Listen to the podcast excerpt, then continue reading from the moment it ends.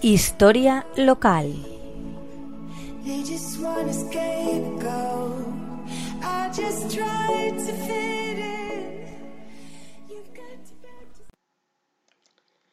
Buenas tardes, amigos de la Tegua Radio.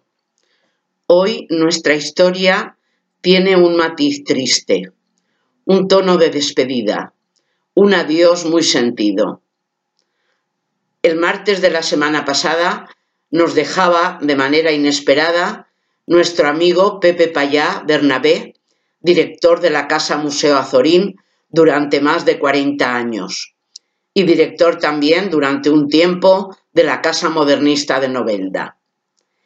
En la Asociación de Estudios Monoveros dirigió también durante bastantes años la revista Monóvar, colaborando y participando directamente en los actos programados por dicha asociación.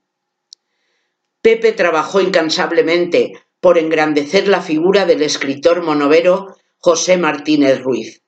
Difundió e investigó la obra de Azorín, convirtiendo su casa museo en un centro de investigación y cultura, al que acudieron grandes intelectuales interesados en el autor monovero, siendo él mismo uno de los máximos conocedores de su obra.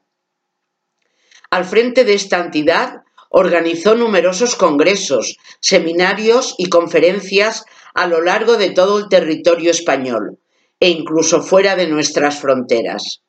Escribió y coordinó numerosos artículos y libros, siendo comisario del año Azorín en 1998, ampliando la visión y revisión de su obra y situando a Azorín como un autor dentro de la modernidad.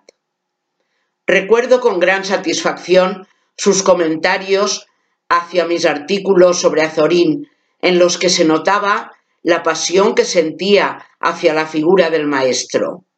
Para él era un orgullo y un placer dar a conocer la figura de Azorín, y en todas nuestras conversaciones quedaba patente la consideración hacia cualquiera que colaborara en difundir su obra. Pepe fue asimismo miembro de la comisión lectora del Premio Azorín de Novela, de su jurado y coordinador del Premio Gabriel Miró, perteneciendo a la Asociación de Casas Museo y Fundación de Escritores. Vivió totalmente implicado con el mundo de la cultura, desde esa plataforma que es la Casa Museo Azorín y que fue la vivienda familiar de los Martínez Ruiz desde 1876 hasta 1961. Por todo esto, por difundir la figura de Azorín y por ser un monovero orgulloso de su tierra, le guardaremos siempre un recuerdo muy cariñoso. Para esta audición he tomado algunos datos de la crónica de Cristina Martínez en el diario Información y la imagen es de un acto organizado por la Asociación de Estudios Monoveros en la Casa Museo Azorín.